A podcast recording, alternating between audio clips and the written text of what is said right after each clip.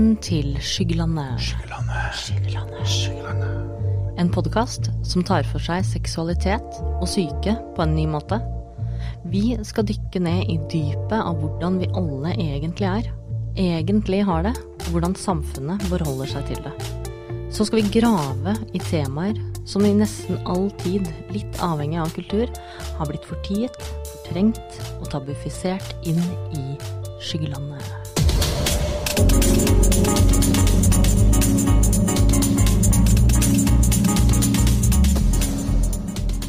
Temaer som BDSM, voldtekt og seksualitet, selvtillit, kinker, LHBTQ, orgasmer, feminisme, relasjoner generelt, sjalusi, sex og kink med funksjonshemninger og mye, mye mer.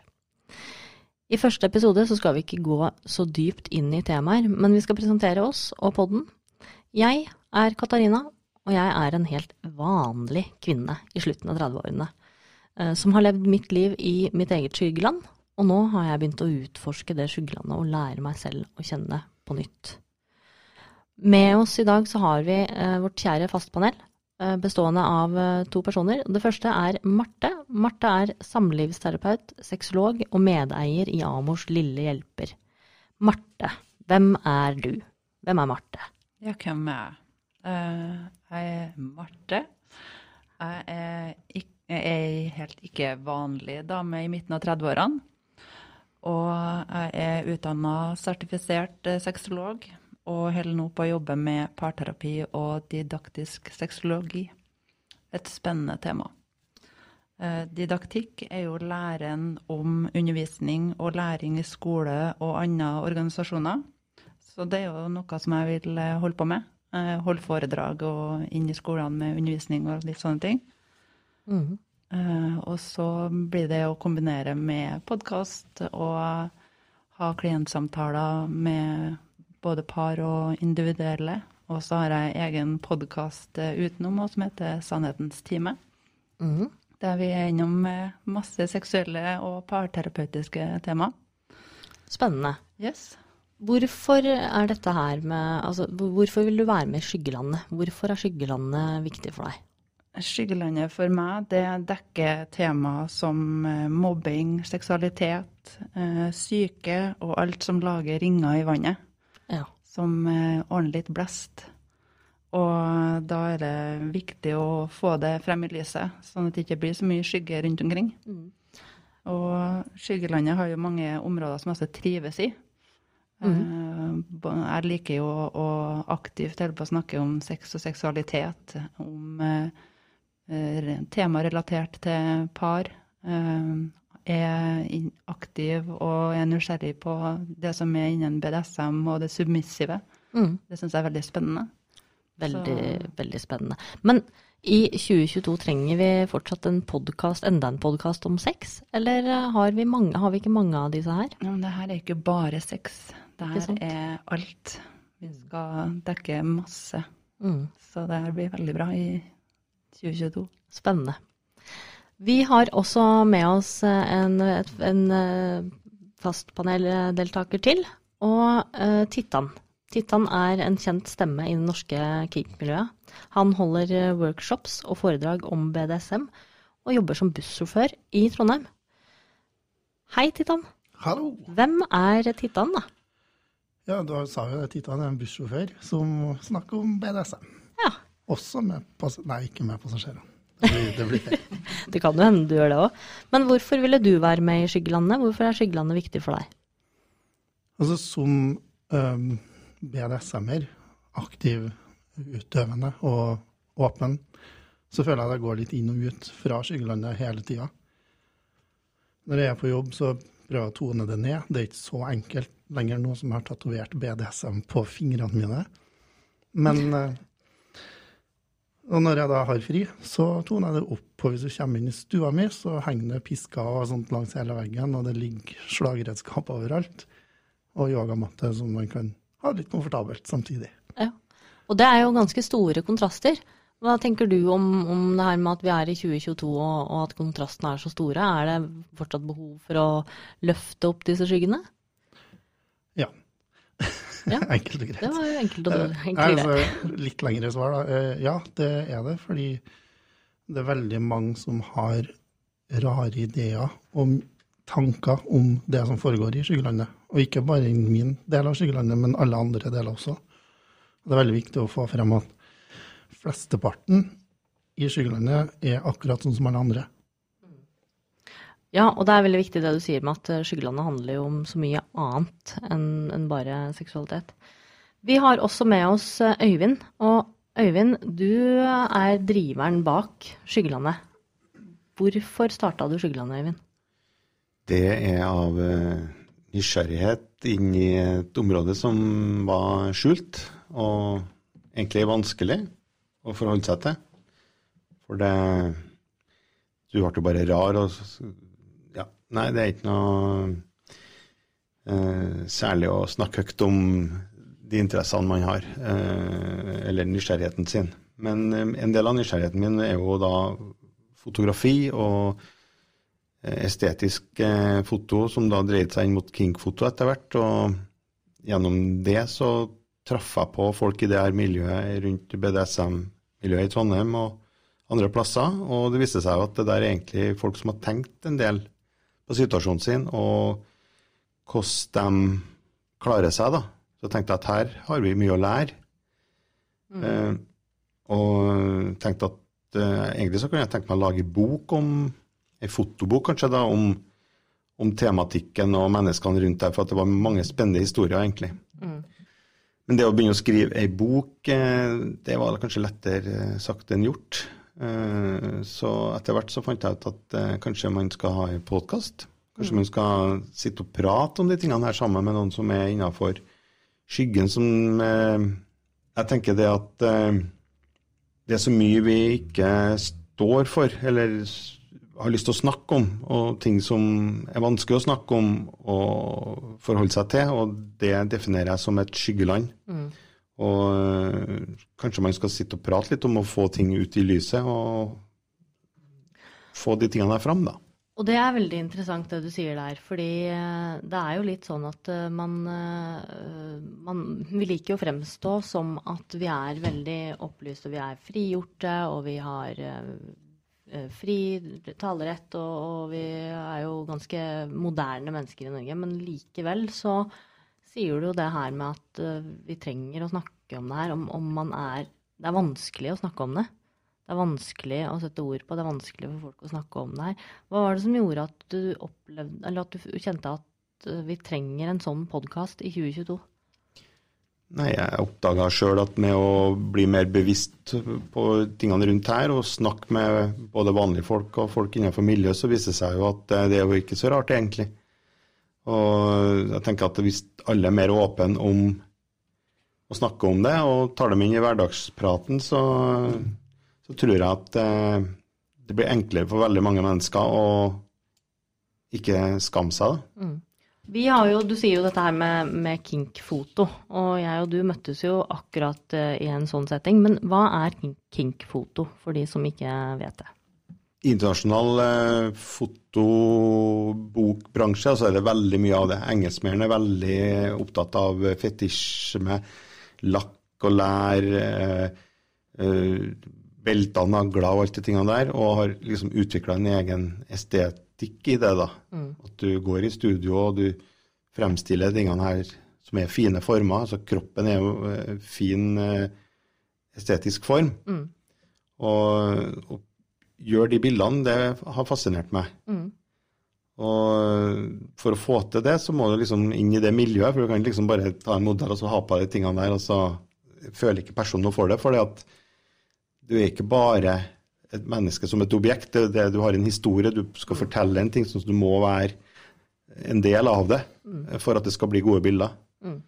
Og det, det interesserer meg, og det er liksom det jeg har utvikla meg i, sammen med andre typer foto også, selvfølgelig.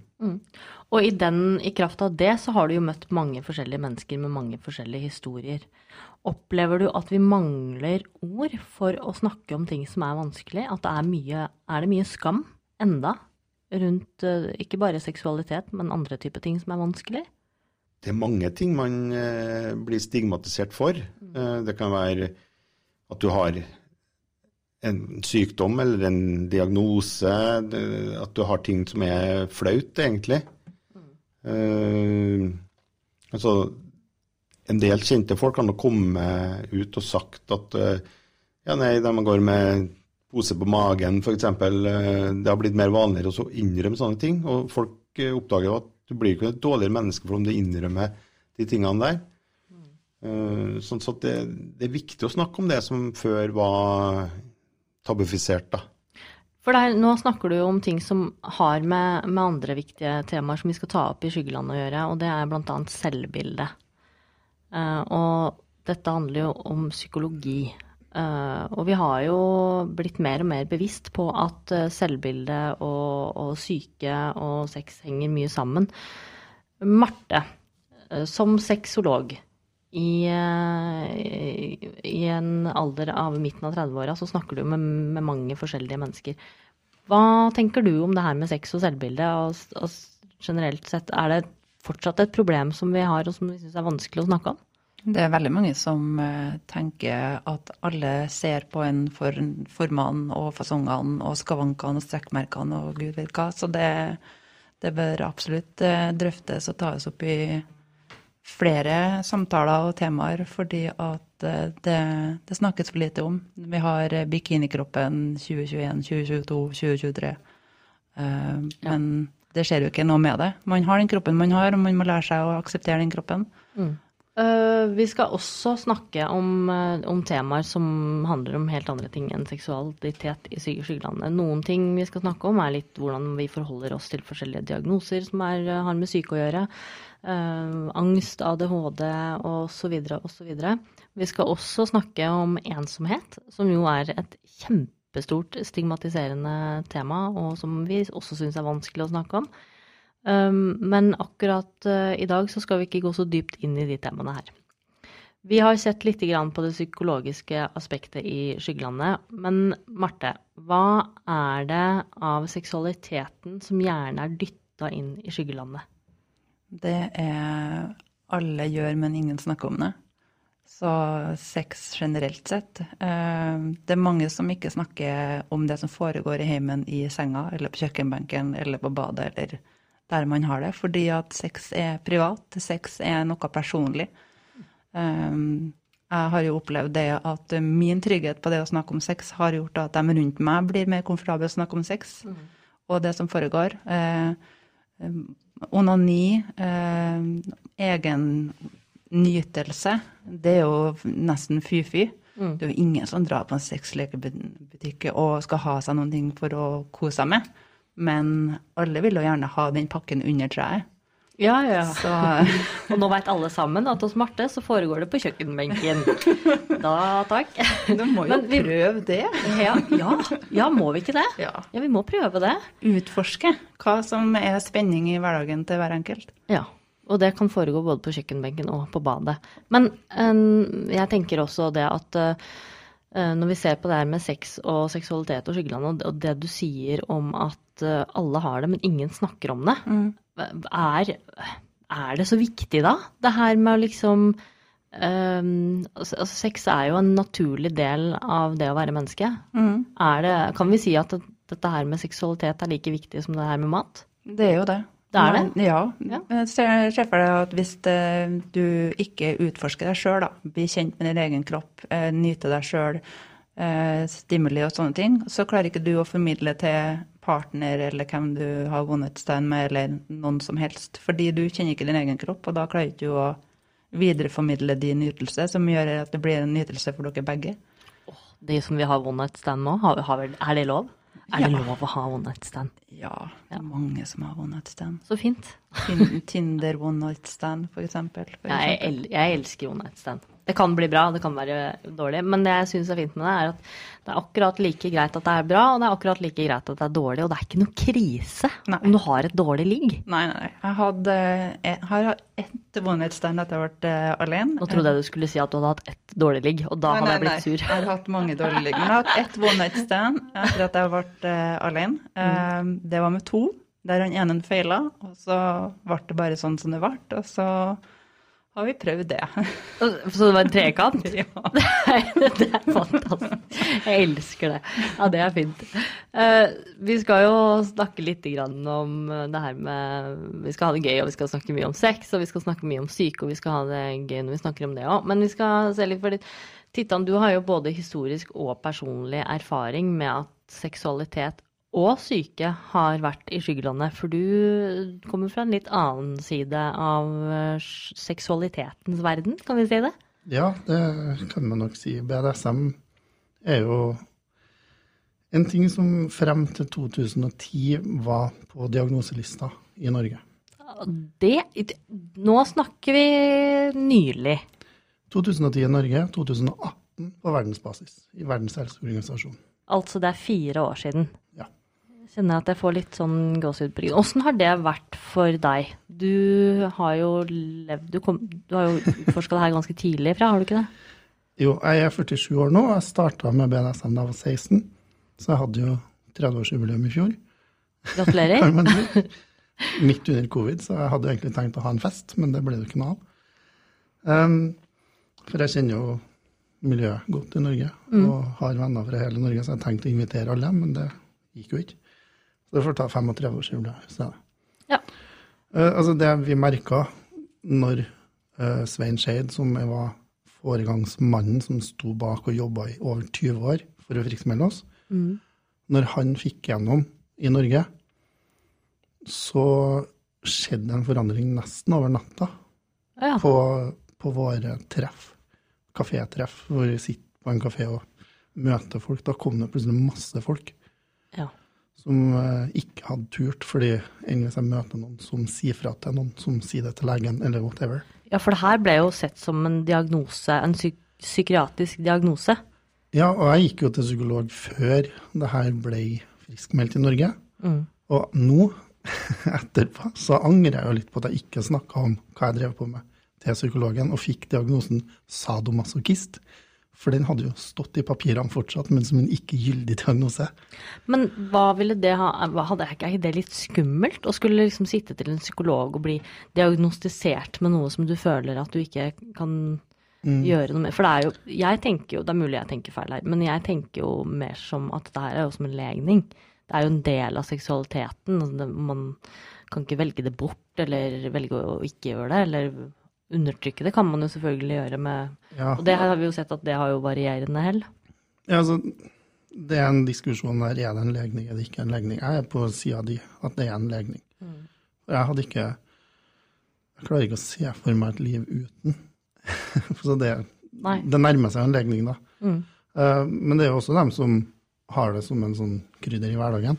Ja. Så definitivt. Men det finnes jo altså Homofili er jo en legning. Men det finnes jo streite menn som har sex med menn som krydder i hverdagen. Mm. Men- så det er jo litt det samme, føler Ja. jeg. Ja. Men uh, tilbake til dette her med stigmatisering og skyggelandene rundt eh, BDSM. Når det er såpass ferskt at det ikke er en diagnose, hva gjør det med, med miljøet? Hva gjør det med deg? Du har, du har jo levd i skyggelandet ganske Ja. drastisk, da, vil jeg påstå. Jeg jeg var 16 i, i 1991, så det var jo nesten ja, 20 år Mm. med skyggeland. Og så plutselig var det lov til å være frisk. Hva følte du når, du når du hadde disse kinkene, og så var det på en måte litt ulovlig, kan man si det? Litt, litt feil? Det var jo, det var jo Ja, altså, det var sykt. det var sykt. Ja. Ja. Og i tillegg så har man jo vokst opp med å få beskjed om at man skal ikke slå dem man liker, man skal være snill med dem man liker, osv. Så, videre, og Mm. så, så jeg gikk jo rundt i mange år, hadde skikkelig dårlig samvittighet og, og veldig skyldfølelse, fordi jeg gjorde ting som ikke jeg skulle. Mm. Men eh, så fikk du plutselig lov til det. Ja, altså Jeg hadde jo kommet til den tanken før det, at dem jeg gjør det med, har jo lyst. De ber meg om å gjøre det. Mm. Så jeg hadde ikke dårlig samvittighet i 2010. Men det ble mye enklere for dem som kommer etter, da, Mm. å få vite at det her er ikke sykt. Ja. Du, du er faktisk en frisk person hvis du gjør det her. Det er ganske spesielt det at vi er eh, såpass eh, langt eh, inn i det moderne samfunnet, og så er det fortsatt sånne ting som er, har vært diagnoser, og det er ikke lenge siden ting var ulovlig.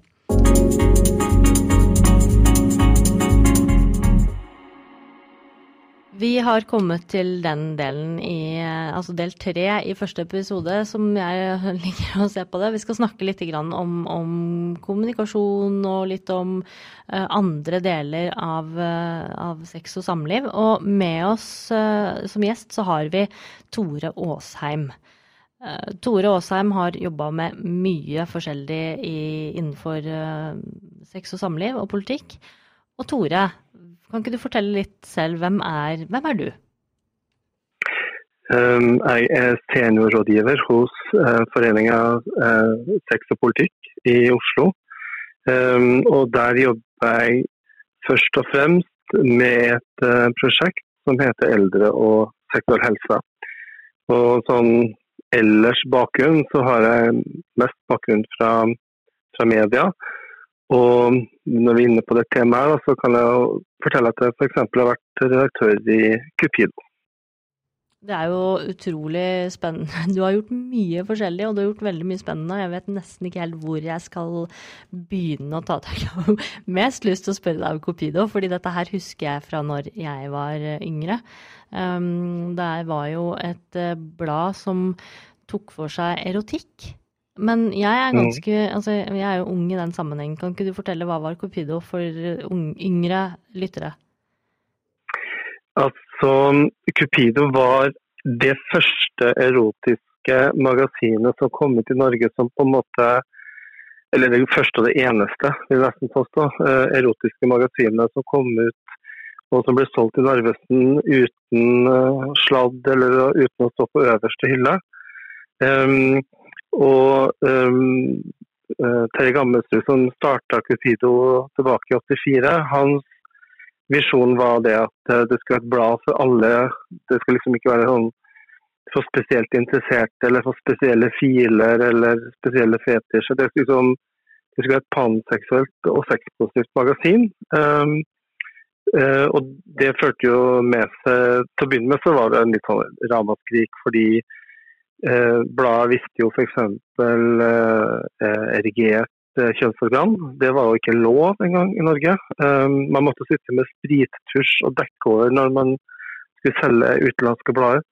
Eh, Cupido fikk lov til det, fordi eh, det ble sett på som noe mer enn et pornoblad. Eh, det var et erotisk, um, erotisk og politisk tidsskrift som kjempa for et sexpositivt samfunn. Og det falt i, i smak uh, i store deler av, uh, av uh, også dem som var skeptiske til, til, den type litteratur. Mm. Så, um, og det var også det var, um, det, En av de mest populære tingene med Cupido var f.eks. det her med erotiske noveller. At folk delte sine seksuelle fantasier, sendte ut til Cupido og fikk faktisk betalt for det. Alle i studio sitter og nikker og smiler over dette her, husker du? Ja, ja. Og det var så der etter hvert, det var veldig hemmelig hvem som skrev de forskjellige novellene. Men etter hvert så er det jo da flere norske ganske kjente forfattere som har innrømt at uh, de starta sin forfatterkarriere ved å, å, å skrive eh, kortere eller lengre noveller da, til, til Cupido.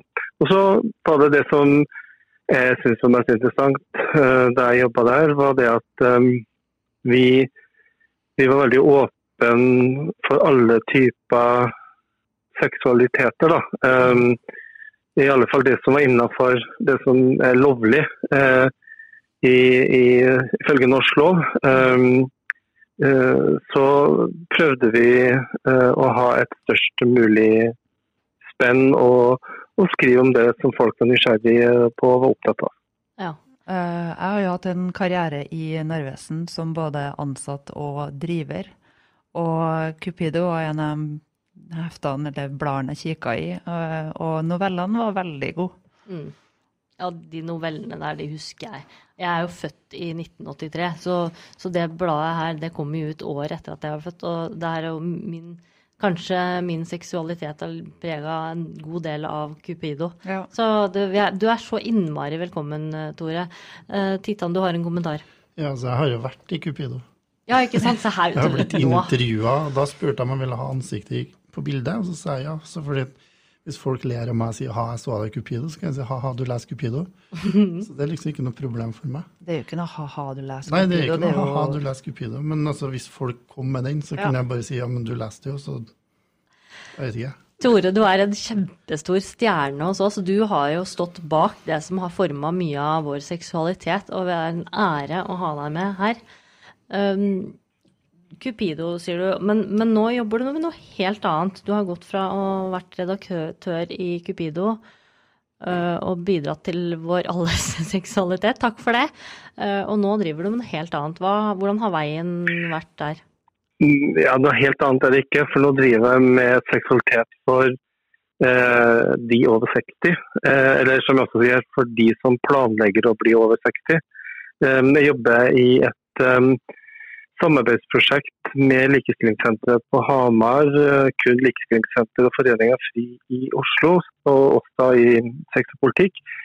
Et, et helseprosjekt som ble initiert av Helsedirektoratet der hovedfokus skulle være eldre og seksuell helse. Fordi folk som har Mange blander liksom det her med si, sex, seksualitet og seksuell helse. Det er liksom det samme, men det er det jo ikke. Eh, tenker vi, da. Eh, eller det mener vel kanskje også Helsedirektoratet, håper jeg. Eh, altså, seksuell helse er jo hvordan, hva slags forhold du har til din egen seksualitet. Eh, hvordan du har det med deg sjøl, med kroppen din, med partneren din, eh, med, med sjølfølelsen. Og så viser tall at har du god seksuell helse, på lik linje med god fysisk helse og mental helse, de tre tingene henger veldig nøye sammen, eh, så har du det bedre i hverdagen. Og for eldre mennesker så betyr det at man har større livslyst, større livsglede, eh, bor l- gjeng- leng- lenger hjemme, eh, klarer seg bedre sjøl. Det er ikke bare den sektor helse som eh, bidrar til det, men det er en viktig del av det store bildet. Mm. Og det jobber vi med. og Hovedfokus på prosjektet er rett og slett å få eldre til å bli flinkere til å snakke med helsepersonell Ja. eh, når det er noe som plager dem. Eh, og få helsepersonell til å tørre å prate med eldre om seksuell helse. Ja, for det her er jo en, eh, en ting som jeg tenker at hvorfor er dette her viktig? Er, er det ikke sånn at dette her er naturlig? Men det er det jo ikke. Det er ikke naturlig verken for eldre å snakke om det, og det er heller kanskje ikke naturlig for helsepersonell å spørre om det. Hva er din erfaring der? Nei, nei også, så, uh, man sier at det er to grupper i samfunnet som aldri har sex. Og, og det er ens egne barn og ens egne foreldre. Det er helt riktig. Um, yes. Og, og da, da kan du tenke deg, da er besteforeldrene på minussida. Og så viser da nyere forskning at eh, norske eldre er på toppen i Europa når det gjelder onani f.eks. Eh, de har et eh, friskt og levende sexliv eh, både med seg sjøl og med andre. Um, sånn litt fun fact. eldre kvinner f.eks. når de hvis de skulle miste en partner enten fordi at de blir enker eller de skiller seg i voksen alder, så viser f.eks. tallet at når de skaffer seg nye partnere eller kjærester, så eh, tenker de at nei, da gidder de ikke å flytte sammen. De skal ikke være kjærester. De kan fint komme på middag, Mm. eh, men det er ikke sikkert det blir frokost. Fordi de vil nyte livet i voksen alder. og De har, de har liksom vaska nok truser og laga nok matpakker i sitt liv. Det elsker jeg. Og da Ja. Mm. Så, og, og, og, og, det, det man tror liksom at eh, du vet, bestemor eller gammeltante eh, ikke hadde sex eller ikke tenkte tanken. Eh, Nei, de det gjør ikke de. sånt. De Jeg bare kan ikke se for meg liksom For, for det er en sånn greie vi gjør. At vi ser ikke for oss det. Men Ja. Marte, du har noen tanker rundt det? Ja, eh, det er jo eldre innom butikken til meg òg, og eldre damer de vet hva de vil ha. Mm. Om det er realistisk dildo, eller om det er noe med farger som hopper av seg sjøl, eller vakuumvibrator. De, de har utforska markedet og vet eh, hva de ønsker. Ja. Og dette her snakker vi jo heller ikke om. Nei. For eldre, de har Nei, og- ikke sex, men- tror vi. nei, altså, nei, naturligvis har de ikke det. Eller jo, det har de naturligvis. Eh, Naturligvis har de det, som er, men problemet er at eh, Og det har de hatt til alle tider. De har bare vært veldig flinke til å skjule det, tror jeg. Ja. Eh, men, men, men utfordringene oppstår når de får et problem. Mm. Ja. For da blir det veldig vanskelig å gå til legen med det. Eh, og det gjelder også eh, at helsepersonell de sitter og snakker med en person som kunne ha vært bestemora si. Eh, og da blir det liksom litt sånn ja, hvordan, sånn, Fru Hansen, hvordan er det med seksualiteten? Hvordan står det til med den? Det er et spørsmål en fastlege burde stille med jevne mellomrom. Mm. Um, men uh, erfaringen viser jo at det er veldig vanskelig for fastleger å snakke om, eller leger og sykepleiere og, eller helsepersonell generelt. Um, generelt er det vanskelig for dem å spørre om. Og så når det da i tillegg blir lagt på at du snakker med en veldig voksen person, uh, så blir liksom ikke terskelen for å spørre det spørsmålet noe lavere akkurat. Nei, det er sant. Dette, her- dette her skal vi jo snakke mye mer om eh, etter hvert. Marte, du har en kommentar på tampen? Jeg skulle bare slenge meg på den Tore sier, at eh, det, er jo, det blir jo unaturlig for en lege å spørre, for at den sex til eldre er jo ikke-eksisterende. Det jo Det blir rart. Det er rett og slett litt kleint. Ja. Ja, vi, vi Eh. syns det er litt kleint. Og det at helsepersonell også syns at det er kleint, det er jo det er jo litt spesielt. Men dette her, og, det, og akkurat det her, det skal vi snakke mye mer om. Men Tore, hva tenker du at skyggelandet kan være og bety? eh, både for eh, den saken som du jobber med, men på generelt grunnlag med den erfaringen du sitter med. Jeg tror kanskje at eh, det er veldig mange mennesker som sitter rundt om i hus og hjem og tenker at det er den eneste som eh, tenker sånn, den eneste som liker sånn, eller eh, den eneste som har sånne følelser.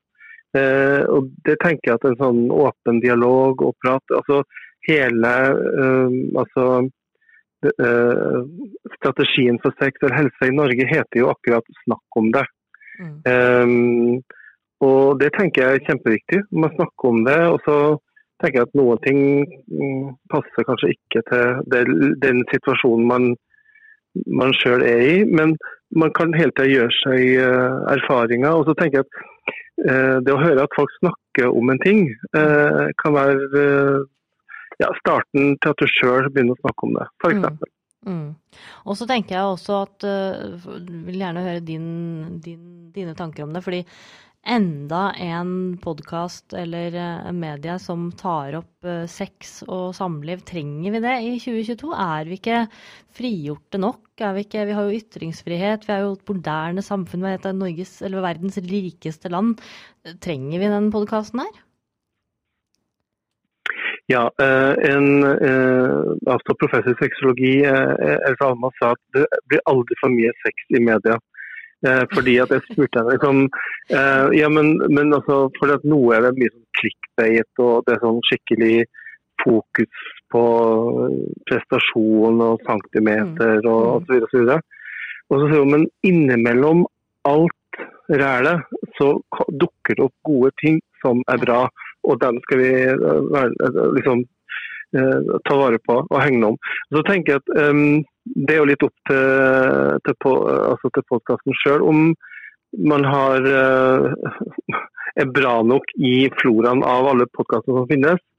Det er jo noen som kanskje vil si at eh, noen podkaster er litt sånn eh, kyniske eller vinkle ting. altså De er litt sånn clickbait som med avisoverskriftene. Og så har du de gode sakene som er skrevet av journalister som, som eh, kan noe om faget. Og da blir det straks mer interessant å, å lese. Så spørs hvor mye dere deler og hva slags gjester dere får i, i studio, tenker jeg er litt avgjørende. Mm. Mm. Eh, Kjempebra, Tore. Vi håper jo at vi blir en podkast som tør å ta opp de kleine tingene. Jeg er i hvert fall eh, veldig gira på å grave i alt det som er litt kleint, det som er litt pinlig, det vi ikke tør å snakke om, det vi fniser litt av, og det som, eh, som vi kanskje ikke trodde eksisterte, som sex og eldre, som jo er et kjempeviktig tema. Jeg håper at vi høres ved flere episoder, fordi jeg vil gjerne snakke mer med deg om det her. Så mm, tusen hjertelig takk for, for det, Tore, og så håper jeg vi høres igjen. Takk skal du ha. Hvis du har ønsker om temaer, så kan du sende en e-post til skyggelandpodden at gmail.com. Eller Du kan sende en melding på Instagram. Der heter vi Skyggelandpodden. Følg oss veldig gjerne. Neste episode så skal vi leke oss med tau. Eller det vil si, Tittan skal leke med tau. Eller det vil si, han skal, du skal kanskje ikke leke med tau. Han skal gi oss en innføring i noe som heter for shibari. Som jo faktisk er å leke seg med tau. Ja. Det blir spennende. Jepp. Så følg med i neste episode av Skyggelandet. Skyggelandet. Skyggelandet.